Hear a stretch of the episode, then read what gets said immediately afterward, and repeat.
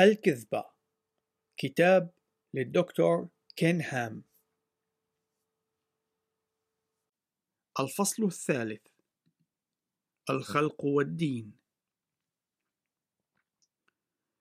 إن الخلق التوراتي مبني على السرد المقدم في سفر التكوين عن الأصول والمستخلص من كلمة الله.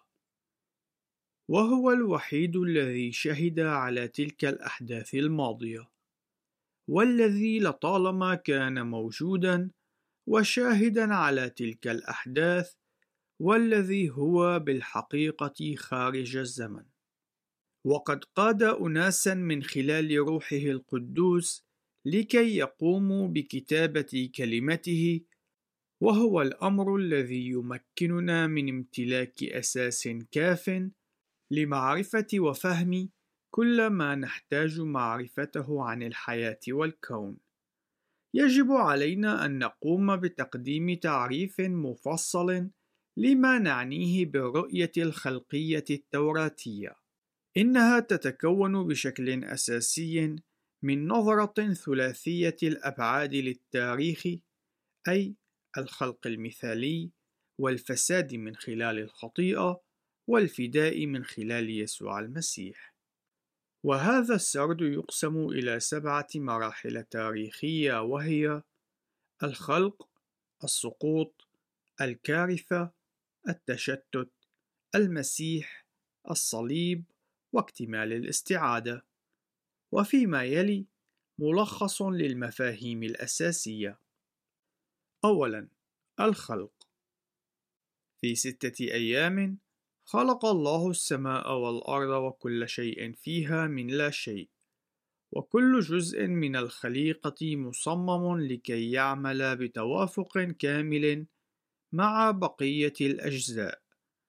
وقد خلق الله أجناسا مختلفة من النباتات والحيوانات وقد قام بخلق حديقة خاصة أي جنة عدن وفيها خلق الله أول زوج من البشر آدم وحواء. آدم قد خلقه من التراب وحواء من ضلع من جنب آدم وهذا هو الزواج الأول. وحين أكمل الله عمله في الخلق وصف كل ما عمله بأنه حسن جدا. لم يوجد موت للكائنات التي في أنفها نسمة حياة. اللفظ العبري الأصلي هو نفش خيات، ويشير إلى مبدأ الحياة أو الروح. وقد كان البشر والحيوانات جميعا نباتيين.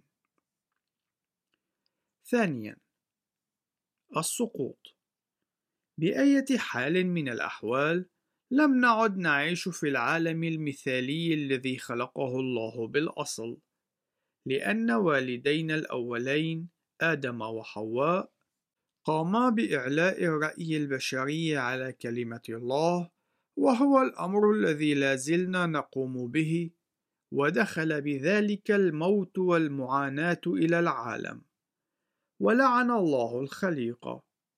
دعا تشارلز داروين هذا الموت والمعاناة باسم الانتقاء الطبيعي وعرض فكرته هذه كبديل عن الخالق. وقد قام التطوريون لاحقا بإضافة التغيرات العشوائية الوراثية أي الطفرات إلى معتقدهم التطوري. إلا أن هذا النوع من المعالجة باستخدام الانتقاء الطبيعي والطفرات الوراثية لا يستطيع أن يقوم بالخلق، بل بالحري إنه يقوم بإنتاج الأمراض والعيوب والفساد في العالم الذي خلقه الله. ويقدم بولس الرسول وصفه للعالم المعاصر الساقط في روميا في الإصحاح الثامن في الآية الثانية والعشرين كالتالي اقتباس فإننا نعلم أن كل الخليقة تئن وتتمخض معا إلى الآن. نهاية الاقتباس. لأننا جميعا أخطأنا في آدم الذي كان رأس الجنس البشري وممثله ونحن قد ورثنا الطبيعة الخاطئة فنحن نعاني من الغربة والانقطاع عن الله. هذا الأمر قد يكون إلى الأبد. لكن الله قد وضع خطة لتخليصنا من نتائج خطايانا. في جنة عدن قام الله بقتل حيوان ليلبس آدم وحواء وهذه كانت أولى الذبائح الدموية وفي الوقت عينه كانت تنقل صورة لما سيتمم في يسوع المسيح وهو الحمل الذي جاء ليرفع خطايا العالم. إن الله قد وعد في جنة عدن بالمخلص وذلك في سفر التكوين في الإصحاح الثالث في الآية الخامسة عشر. فنقرأ. اقتباس. وأضع عداوة بينك وبين المرأة وبين نسلك ونسلها هو يسحق رأسك وأنت تسحقين عقبه. نهاية الاقتباس. ثالثا الكارثة. بعد أن تمرد الجنس البشري وأخطأ امتلأت الأرض بالعنف والفساد لذلك قام الرب بتدمير ذلك العالم من خلال طوفان عالمي ومنحه انطلاقة جديدة من خلال نوح وعائلته والحيوانات التي حفظت معه على متن الفلك. والمستحثات أي تلك الملايين من الأشياء الميتة والمدفونة في الصخور الرسوبية التي تشكلت من خلال المياه التي غطت الأرض يجب أن تكون تذكارا لنا بقضاء الله ودينونته للخطيئة. في الحقيقة إن معظم السجل الأحفوري ليس إلا المقبرة الجماعية التي نتجت عن الطوفان الذي حصل قبل ما يقرب من أربعة آلاف وثلاثمائة سنة مضت إلا أن هذا السجل الأحفوري يتم استخدامه أيضا من قبل العلمانيين على أساس أنه دليل مفترض للسنوات المليونية المفترضة. رابعا التشتت في الإصحاح الحادي عشر من سفر التكوين نجد أن الناس بعد الطوفان قد تمردوا على الوصية الإلهية التي تأمرهم بأن ينتشروا في الأرض، وعوضًا عن ذلك قاموا بالتجمع بعضهم مع بعض لبناء برج رأسه في السماء. والأمر الغالب هو أن الغاية كانت أن يقوموا بعبادة السماء عوضا عن طاعة وعبادة رب الإله صانع السماوات والأرض. وكنتيجة لذلك بلبل رب ألسنتهم بحيث ابتدأت المجموعات تتحدث لغات مختلفة. وبدأت المجموعات الأسرية أي البشرية على إثر ذلك بالانفصال بعضها عن بعض والانتقال عبر الأرض ليقوموا بتطوير مجموعات بشرية متعددة مما أدى إلى تنوع الثقافات والأمم التي نشهدها في يومنا الراهن. خامسا وسادسا المسيح والصليب. نجد أن الأرض قد امتلأت مرة ثانية بالعنف والفساد والموت الناتج عن خطيئة البشر. المترافقة مع إعلاء الرأي البشري وتفضيله على الكلمة الإلهية، ولكن الله كان قد وضع خطة أزلية وعد بها منذ البداية. ليخلص الإنسان من الخطيئة ومن نتيجتها الحتمية بالموت والانفصال عنه. فابن الله قد دخل إلى التاريخ البشري ليصبح يسوع المسيح الإله المتجسد، الإله الكامل والإنسان الكامل، المسيح الذي جاء ليشفي ويسترد، وهو الذي بموته وقيامته غلب الموت. ونحن يمكننا أن نولد من جديد للحياة الأبدية كخليقة جديدة في المسيح. وذلك ما تنقله لنا رسالة روميا في الإصحاح العاشر في الآية التاسعة. اقتباس لأنك إن اعترفت بفمك بالرب يسوع وآمنت بقلبك أن الله أقامه من الأموات خلصت. نهاية الاقتباس. سابعا اكتمال الاستعادة. باليقين عينه الذي نحن متيقنون منه بأن الله قد خلق العالم وأدانه بالطوفان فإن الله سوف يدين عالمنا الفاجر ويدمره بالنار إلا أن أولئك الذين يضعون ثقتهم بالمسيح فإن ما ينتظرهم هو حياة أبدية في سماء جديدة وأرض جديدة. سوف لن يوجد فيها أي فساد فيما بعد لأن اللعنة التي وضعها الله سوف تتم إزالتها. أما بالنسبة لأولئك الذين رفضوا هبة الله المجانية بالخلاص فإن الكتاب المقدس يقول لنا بأنهم سوف يقاسون الموت الثاني أي الانفصال الأبدي عن الله. هذا ما يرد في سفر الرؤيا في الإصحاح العشرين في الآية الرابعة عشر.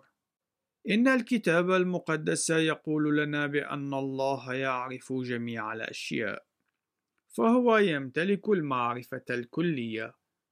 ذلك يعني أن الكتاب المقدس هو كلمة شخص يعرف كل الأشياء التي يمكن أن تتم معرفتها عن الماضي والحاضر والمستقبل.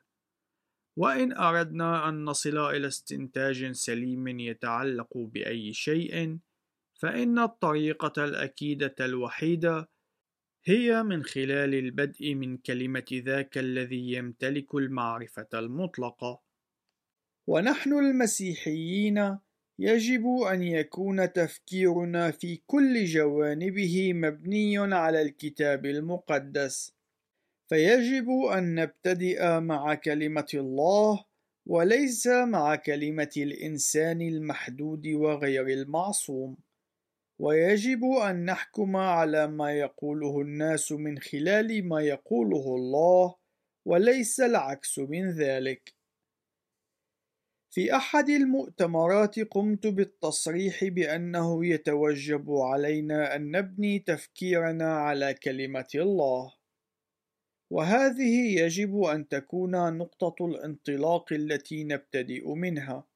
فانتفض أحد الخدام بطريقة غاضبة وأدلى بتعليق مفاده أن هذا يعني بأنه يجب أن يذهب إلى الكتاب المقدس لكي يعرف كيفية إصلاح سيارته إلا أن تعليق هذا الخادم كان خاطئا للغاية لأن الكتاب المقدس بشكل أساسي هو كتاب تأريخ وليس كتابا يتعامل مع العلوم الرصدية.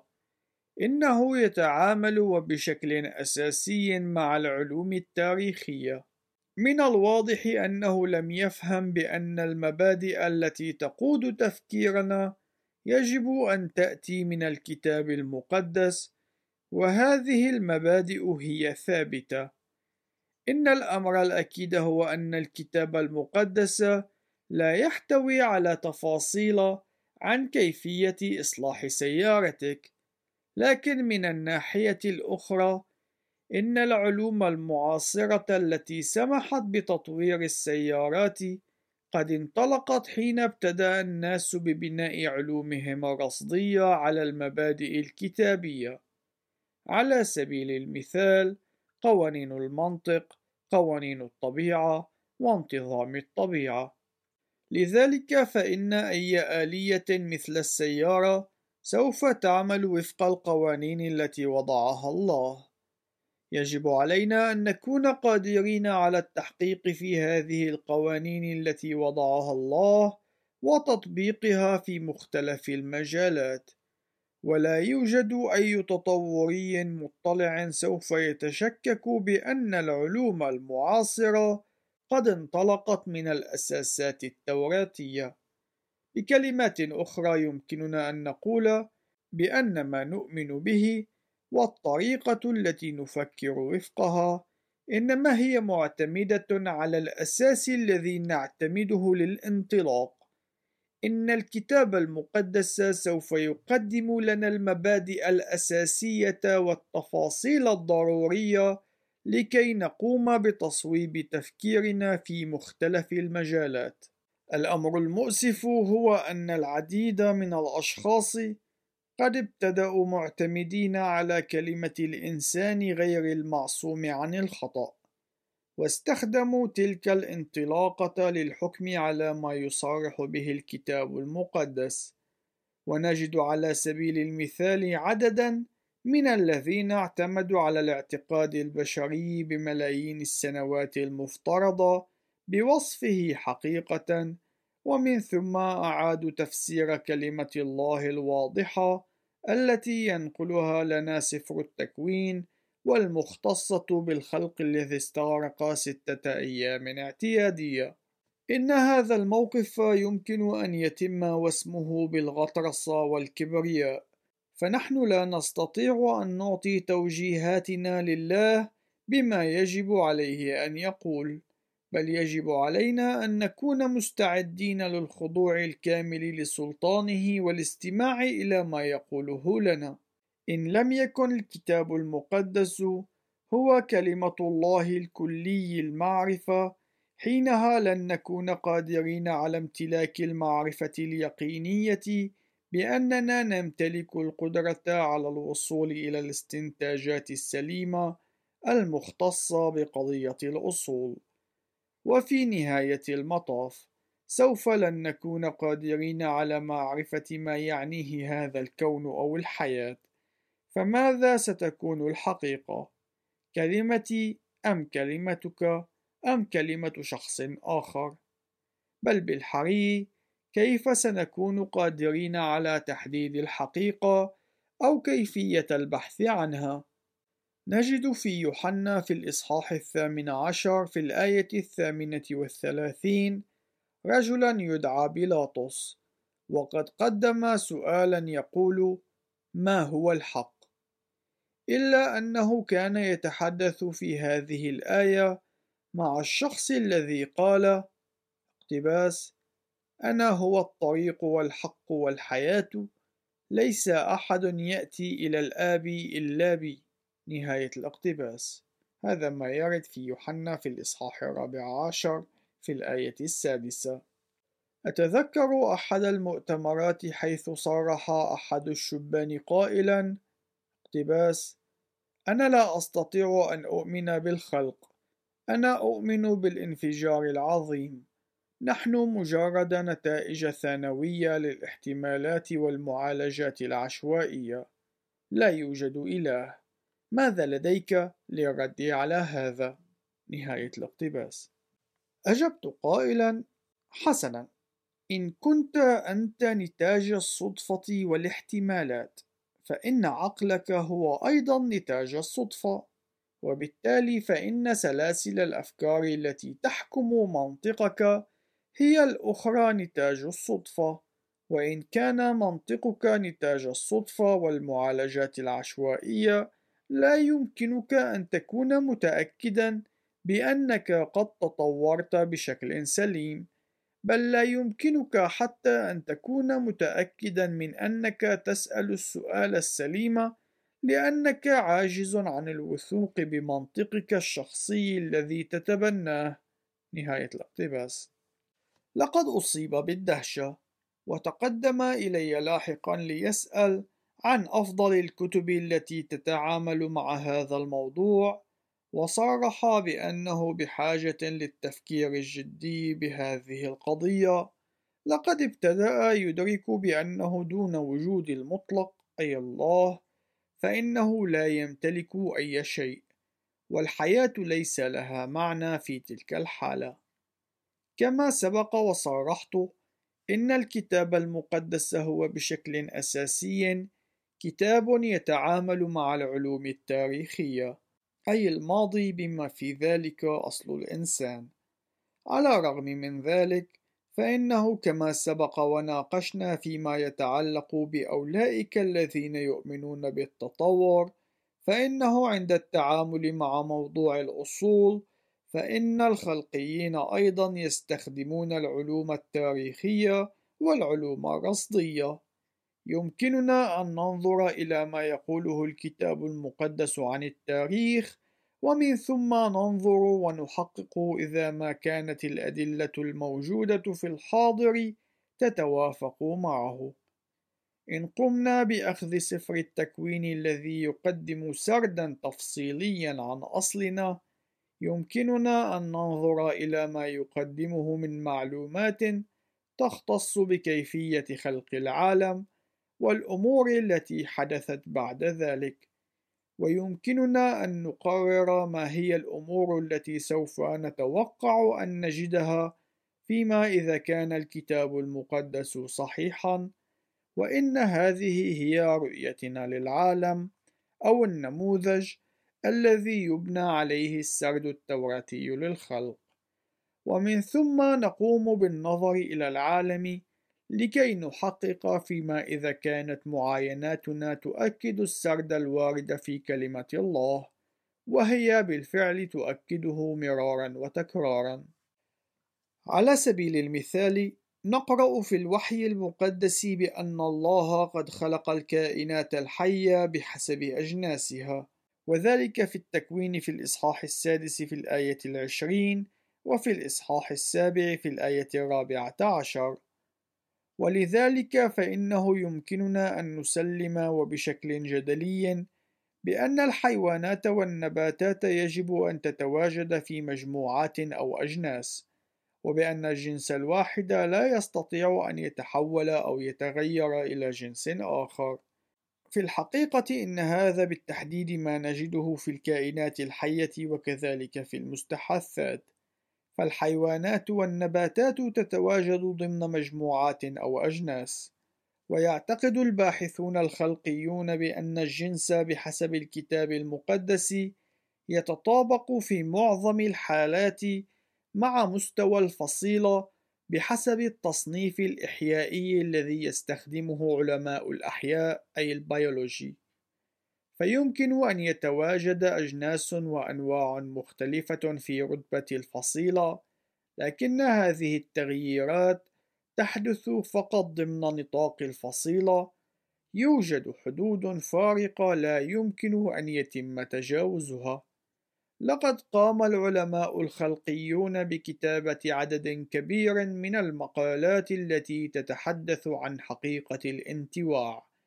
أي ظهور أنواع جديدة، وهذا ما ندعوه بالانتقاء الطبيعي أو التأقلم الذي تتم معاينته، إلا أن هذه الأمور إلا أن هذه الأمور لا صلة لها بمفهوم تطور الجزيء إلى إنسان. إن هذا المثال عن العلوم الرصدية يؤكد السرد التوراتي للأجناس المخلوقة وهو أيضا دليل يدحض التطور الدارويني. إن سفر التكوين يخبرنا بأنه نتيجة لتمارد الإنسان قام الرب الإله بإدانة العالم من خلال طوفان عالمي. فإن كان هذا الأمر صحيحا ما هو نوع الأدلة التي سوف نتوقع العثور عليها؟ سوف نتوقع العثور على المليارات من الأشياء الميتة. والمدفونة في الطبقات الصخرية والتي تموضعت بفعل المياه والمعالجات الكارثية في معظم زوايا الأرض. وهذا يتطابق مع ما نجده في الواقع وبالتالي فإن العلوم الرصدية تؤكد العلوم التاريخية التي يقدمها الكتاب المقدس. في الإصحاح الحادي عشر من سفر التكوين نقرأ عن الأحداث التي وقعت عند برج بابل. ويمكننا أن نقوم مجددا بطرح السؤال عينه ما هو نوع الأدلة التي سوف نتوقع وجودها؟ وهل تتوافق الأدلة التي نجدها في الحضارات المنتشرة في العالم مع هذا السرد؟ مرة جديدة نجد أن الإجابة هي نعم وبأغلبية ساحقة فجميع البشر يستطيعون أن يتزاوجوا وينتجوا ذرية أو نسلا قادرا على التزاوج فنحن جميعا من نفس الجنس إن نتائج مشروع دراسة المجمع الجيني البشري قد أكدت على أن جميع البشر ينتمون إلى جنس واحد. أعلن الدكتور فينتر بالتشارك مع عدد من العلماء أنهم انتهوا من وضع مسودة لكامل سلسلة المجمع الجيني البشري، وقد أعلن العلماء بالإجماع أنه لا يوجد سوى عرق واحد، وهو الجنس أو العرق البشري. إن نتائج مشروع دراسة المجمع الجيني البشري هي مثال عن العلوم الرصدية التي تؤكد التاريخ التوراتي، فإننا إن كنا ننحدر من رجل واحد وامرأة واحدة كما يصارح الكتاب المقدس، فإنه سوف يتواجد جنس بيولوجي واحد. للأسف نجد أن داروين قد اقترح فكرة مفادها أنه يوجد أعراق مختلفة قد تطورت إلى مستويات مختلفة، ومن بينها يوجد ما يدعوه بالجنس القوقازي الذي يفترض أنه الأكثر تطورًا بينها. واحد من بين الكتب المدرسية التي استخدمت في المدارس العامة الأمريكية في بدايات القرن العشرين كان يعتمد على الأفكار الداروينية. في طبعة العام 1914 التي استخدمت في العام 1925 أثناء محاكمة سكوبس التي تعرف باسم محاكمة القرد. كان قد تم تقديم تعريف للعرق تحت العنوان الرئيسي العرق البشري بالشكل التالي: في الوقت الراهن يوجد على سطح الأرض خمسة أعراق، العرق الأرقى بينها هو القوقازي، والمتمثل بذوي البشرة البيضاء الذين يقطنون القارة الأوروبية وكذلك أمريكا. إن مصطلح أعراق يمكن أن يتم استخدامه بعدة طرق مختلفة، وذلك بالاعتماد على التعريف الذي يتم تقديمه له. في أيام توماس جيفرسون وهو من الآباء المؤسسين والرئيس الثالث للولايات المتحدة الأمريكية، كان مصطلح عرق يستخدم في إشارة إلى العرق الأيرلندي أو العرق الإنجليزي أو ما شابه ذلك، ويمكننا أن نقول بأنه كان يشير إلى المجموعات الإثنية البشرية، لكن وللأسف الشديد وتحت تأثير الأفكار الداروينية الخاطئة حول الأعراق البدائية والمتقدمة أو الأعراق الأدنى والأعراق الأرقى، فإنه حين يتم استخدام كلمة عرق في يومنا راهن فإنه غالبا ما يتم تفسيرها وفق المعنى التطوري أي الأعراق الأدنى والأعراق الأرقى أعتقد أن التلقين المكثف عن التطور والذي يتم حقنه من خلال النظام التعليمي قد غذى العنصرية والتحيز ضد جماعات معينة. في أمريكا لا يوجد أي شك بأن العنصرية موجودة فيما يختص بلون البشرة. تأمل في المسألة التي تدعى الزواج بين الأعراق. منذ عدة سنوات مضت، قدمت إحدى شبكات الأخبار الكبيرة تقريرا عن زوجين يزعمان أنه قد تم رفض منحهما رخصة زواج من قبل قاضي الصلح. وذلك نتيجة لامتلاكهما درجتين مختلفتين من لون البشرة. عبر خدمتنا إجابات في سفر التكوين لطالما كان التعليم المقدم يقول بأنه من الناحية الإحيائية أي البيولوجية يوجد فقط عرق واحد وهو نسل آدم. من الناحية الإحيائية لا يوجد أي شيء يدعى تزاوج بين الأعراق، وذلك لأنه لا يوجد إلا عرق واحد، كما أن الأبحاث العلمية كما أن الأبحاث العلمية قد أثبتت أن جميع البشر يمتلكون ذات اللون الأساسي للبشرة. إن الأبحاث الجينية قد أثبتت أن جميع ألوان البشرة ليست إلا درجات مختلفة من لون واحد وهو صباغ الميلانين ونجد من جديد أن العلوم الرصدية تقوم بتأكيد التاريخ التوراتي القائل بأن جميع البشر هم أقرباء وينحدرون من رجل واحد جميعنا من عرق واحد. ونتيجة للتأثير التطوري يجب على المسيحيين أن يقوموا باستخدام مصطلح مثل مجموعات بشرية وليس المصطلح التطوري أي أعراق. وكما تقول الكلمة الإلهية اقتباس وصنع من دم واحد كل أمة من الناس يسكنون على وجه الأرض وحتم بالأوقات المعينة وبحدود مسكنهم. نهاية الاقتباس. أعمال الرسل في الإصحاح السابع عشر في الآية السادسة والعشرين.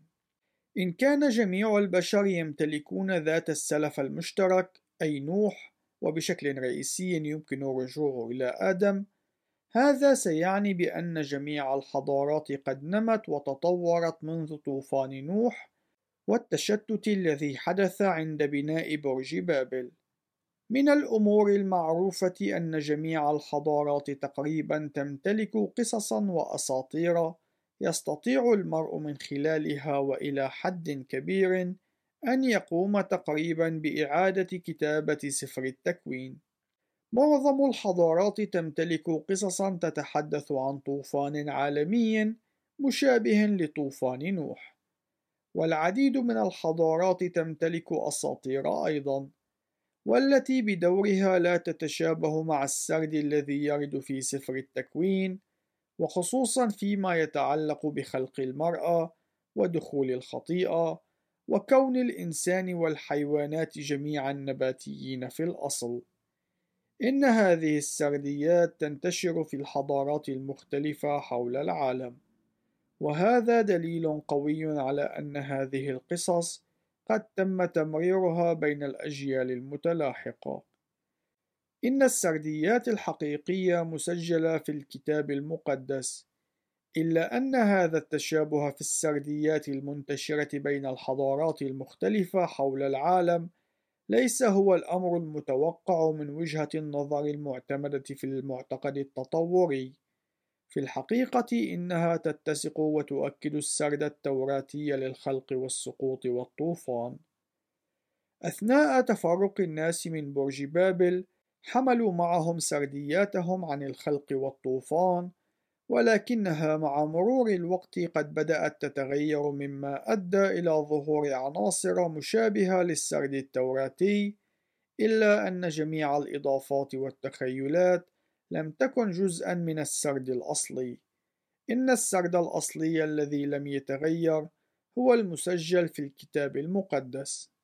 أتذكر أنني كنت قد تلقيت تعليما في الجامعة التي درست فيها بأن السبب في كون السرد البابلي والسرديات الأخرى تتشابه مع السرد الوارد في سفر التكوين هو أن اليهود قد استعاروا من الأساطير البابلية الأصلية لكي يقوموا بوضعها في كتاباتهم إلا أنه عند التحقيق الدقيق بهذه القضية نجد أن القصص البابلية مشوهة وغير قابلة للتصديق إلى حد كبير، وذلك في معظم عناصرها.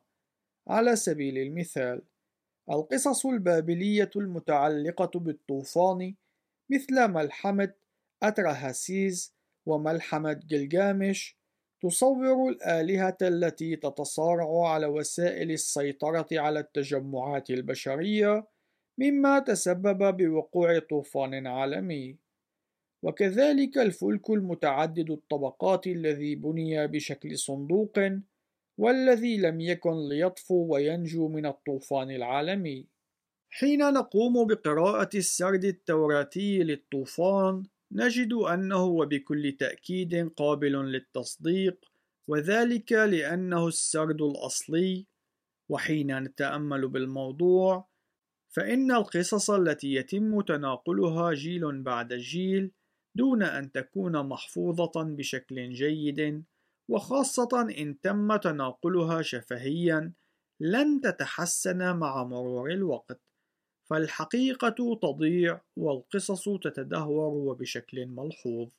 أما السرد التوراتي فإنه قد تم تناقله بطريقة مكتوبة وقد حفظ من خلال العناية الإلهية ولم يتعرض للتحريف أما القصص البابلية التي تقوم فقط بتقديم انعكاس للسرد الحقيقي الذي يقدمه الكتاب المقدس قد تعرضت للتحريف وذلك نتيجة لمحدودية الجنس البشري القابل للخطأ. والحقيقة هي مختلفة تماما عما يقدمه النظام التعليمي ويقف معه في ذلك المسيحيون الليبراليون فيما يختص بهذا الموضوع. وبالتالي فإنه من خلال اعتماد الكتاب المقدس كنقطة للانطلاق فإن الأدلة والمعاينات من الحاضر لا بد أن تتوافق مع السرد التوراتي وهي بالفعل تتوافق وتؤكد إيماننا بأن الكتاب المقدس هو بالحقيقة كلمة الله.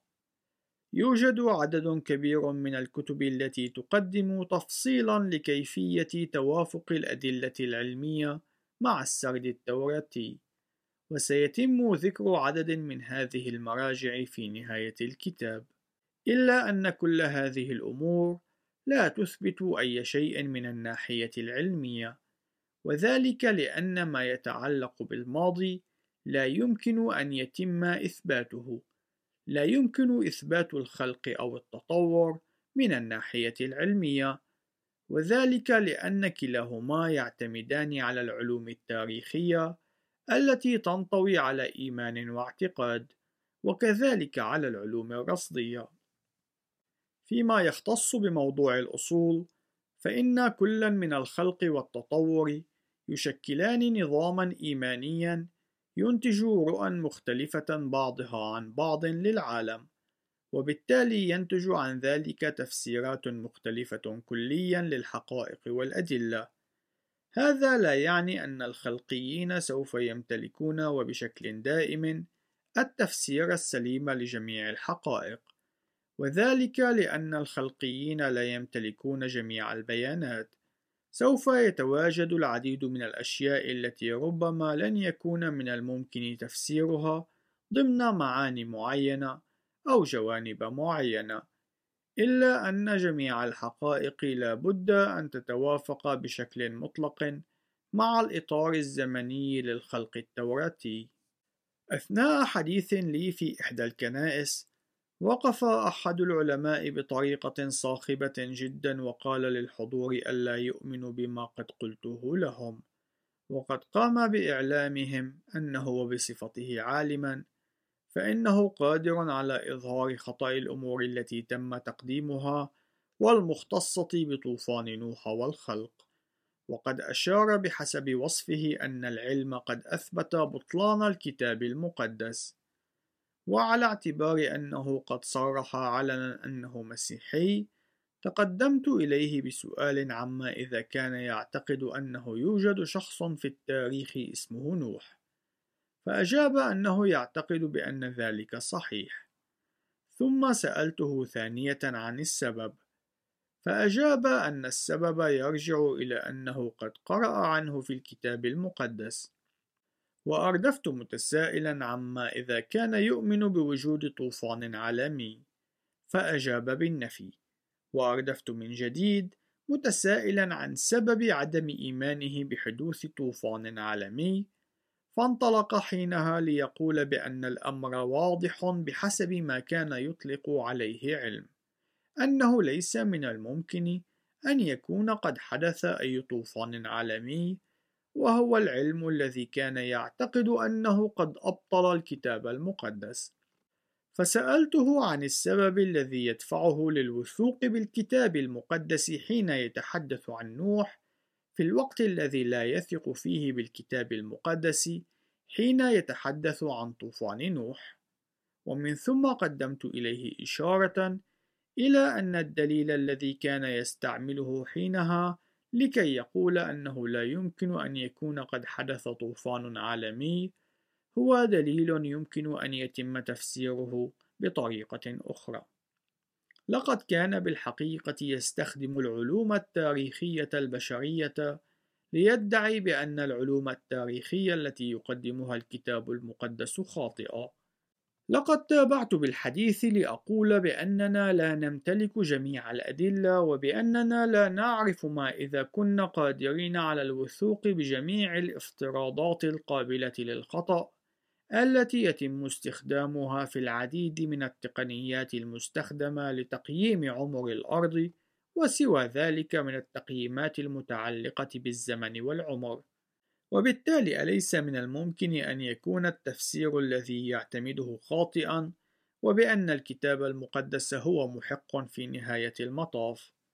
كنت أحاول أن أقول بكلمات أخرى أن الرؤية للعالم المبنية على العلوم التاريخية للكتاب المقدس تمكن المرء من أن يقوم بتقديم تفسير صحيح للأدلة. ولكنه كان يستخدم العلوم التاريخية البشرية القابلة للخطأ والتي تعتمد ملايين السنوات وذلك ليدعي بأن الكتاب المقدس خاطئ. لقد اعترف بأنه لا يعرف جميع الأشياء وبأنه من الممكن أن يتواجد عدد من الافتراضات التي تقف خلف عدد من الطرائق العلمية التي كان يشير إليها. إن هذه المعلومات يمكن أن تقوم بتغيير شامل لاستنتاجاته. لقد اعترف بأن هذا الأمر ممكن، لكنه حينها تابع ليقول بأنه لا يستطيع أن يؤمن بالكتاب المقدس في جميع النواحي، على سبيل المثال طوفان نوح، وذلك حتى يقوم العلم بإثباته. وإنه لأمر واضح أنه لم يفهم ما هو الفارق بين العلوم التاريخية والعلوم الرصدية. أنا أقبل بالكتاب المقدس على أنه كلمة الله، وبالتالي فإنني أفسر جميع الأدلة على هذا الأساس. في الوقت عينه كان هو يقبل الكتاب المقدس على أساس أنه يحتوي على كلمة الله، إلا أنه يخضع للتحقيق من قبل ما يدعوه هو بالعلم.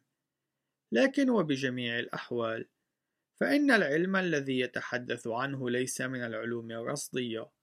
حقيقة الأمر هي أن العلوم الرصدية المختصة بعلم الجيولوجيا تؤكد السرد التوراتي للطوفان، وذلك لوضوح الأمر بأن تلك الطبقات الرسوبية الهائلة المحتوية على المستحاثات والمتواجدة في قارات مختلفة كان لابد أن تتموضع بشكل كارثي وليس بشكل تدريجي خلال عدة ملايين من السنوات.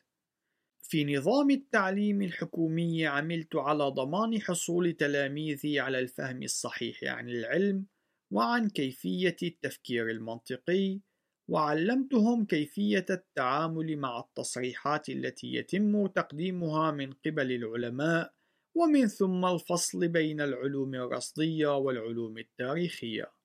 وهذا الأمر قد ساعدهم على التفكير بأسلوب نقدي وكذلك على تحسين مستوى فهمهم لقضية الأصول.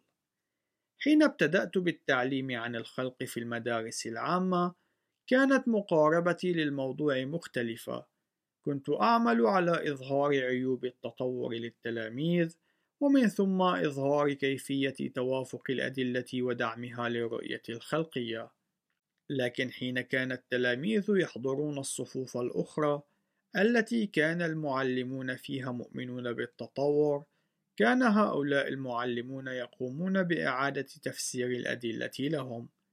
كنت أستخدم ما يمكن أن ندعوه بمقاربة قائمة الأدلة في محاولة لاستخدام الأدلة لإقناع التلاميذ بأنه قد ثبت أن التطور خاطئ وبأن الخلق هو الموقف السليم. إلا أنني قمت بتغيير طرائقي في التدريس وابتدأت أعلم تلاميذي عن طبيعة العلم أي ما هي الأمور التي يستطيع العلم القيام بها وما هي الأمور التي يعجز عنها. لقد سبق ونظرنا بتدقيق إلى الحدود التي تتواجد أمام العلماء وخصوصا فيما يتعلق بالماضي. علمتهم بأن جميع العلماء يمتلكون افتراضات مسبقة أي معتقدات وخاصة فيما يتعلق بالعلوم التاريخية والتي يستخدمونها في تفسير الأدلة. وشاركت معهم معتقداتي من الكتاب المقدس فيما يختص بالخلق والسقوط وطوفان نوح والمواضيع التوراتية الأخرى.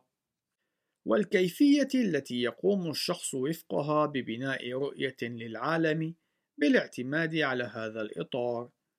ثم قمت باستخدام العلوم الرصدية لاستعراض التأكيد المتسق الذي تقدمه الأدلة للسرد التوراتي للأصول وليس للمعتقدات التطورية عن الماضي.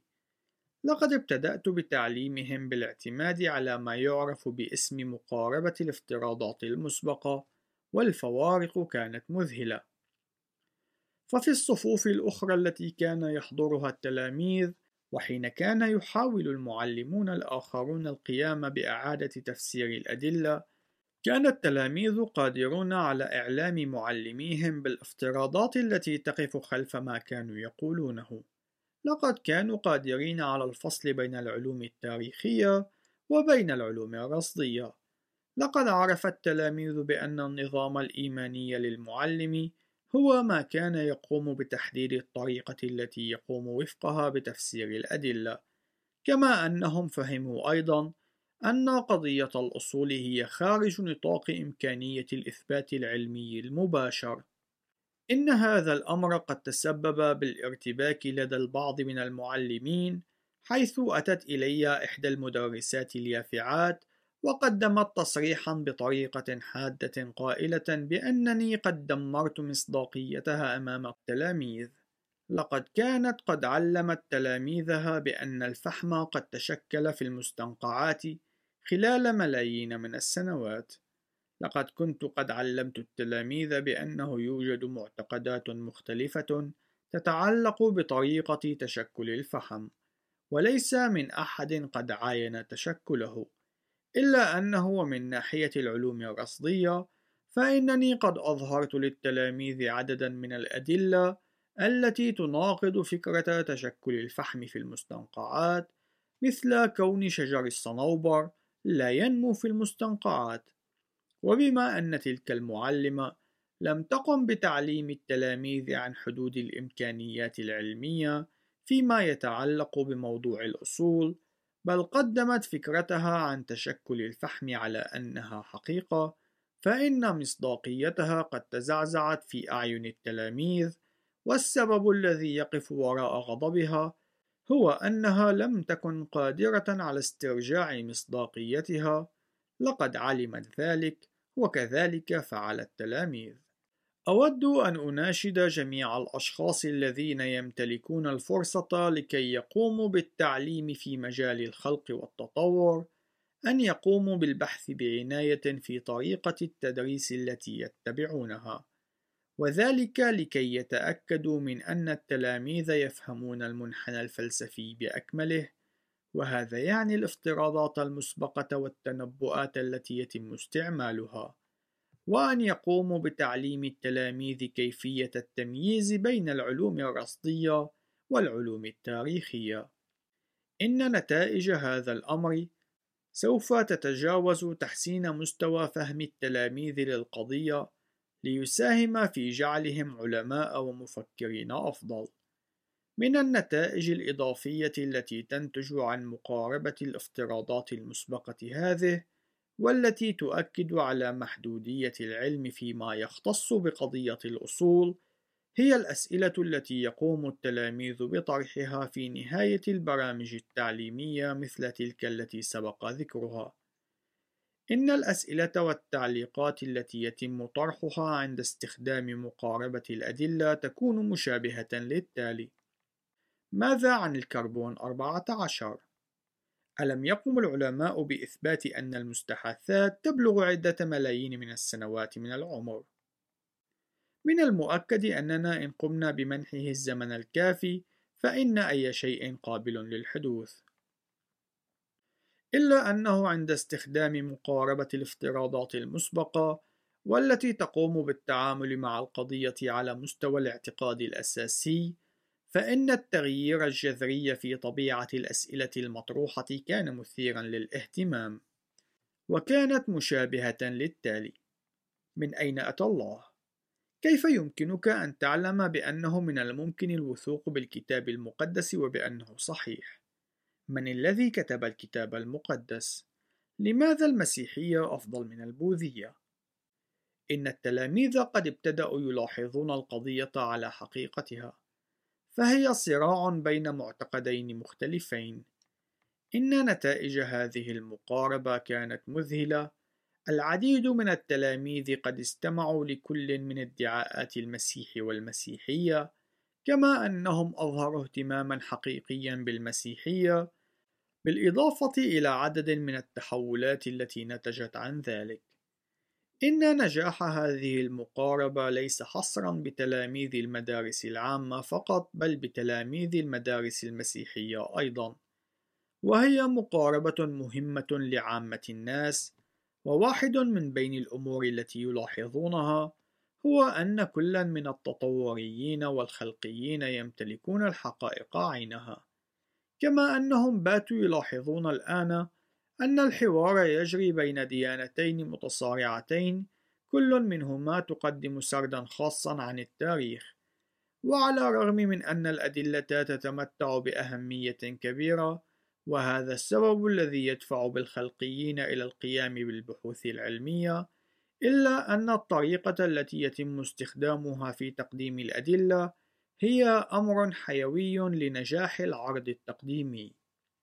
منذ عدة سنوات وبعد أن انتهيت من تقديم محاضرة في إحدى الكليات المسيحية في ولاية كنساس، حيث استخدمت المواد التي سبق أن ناقشناها، بالإضافة إلى عدد إضافي من الأدلة العلمية.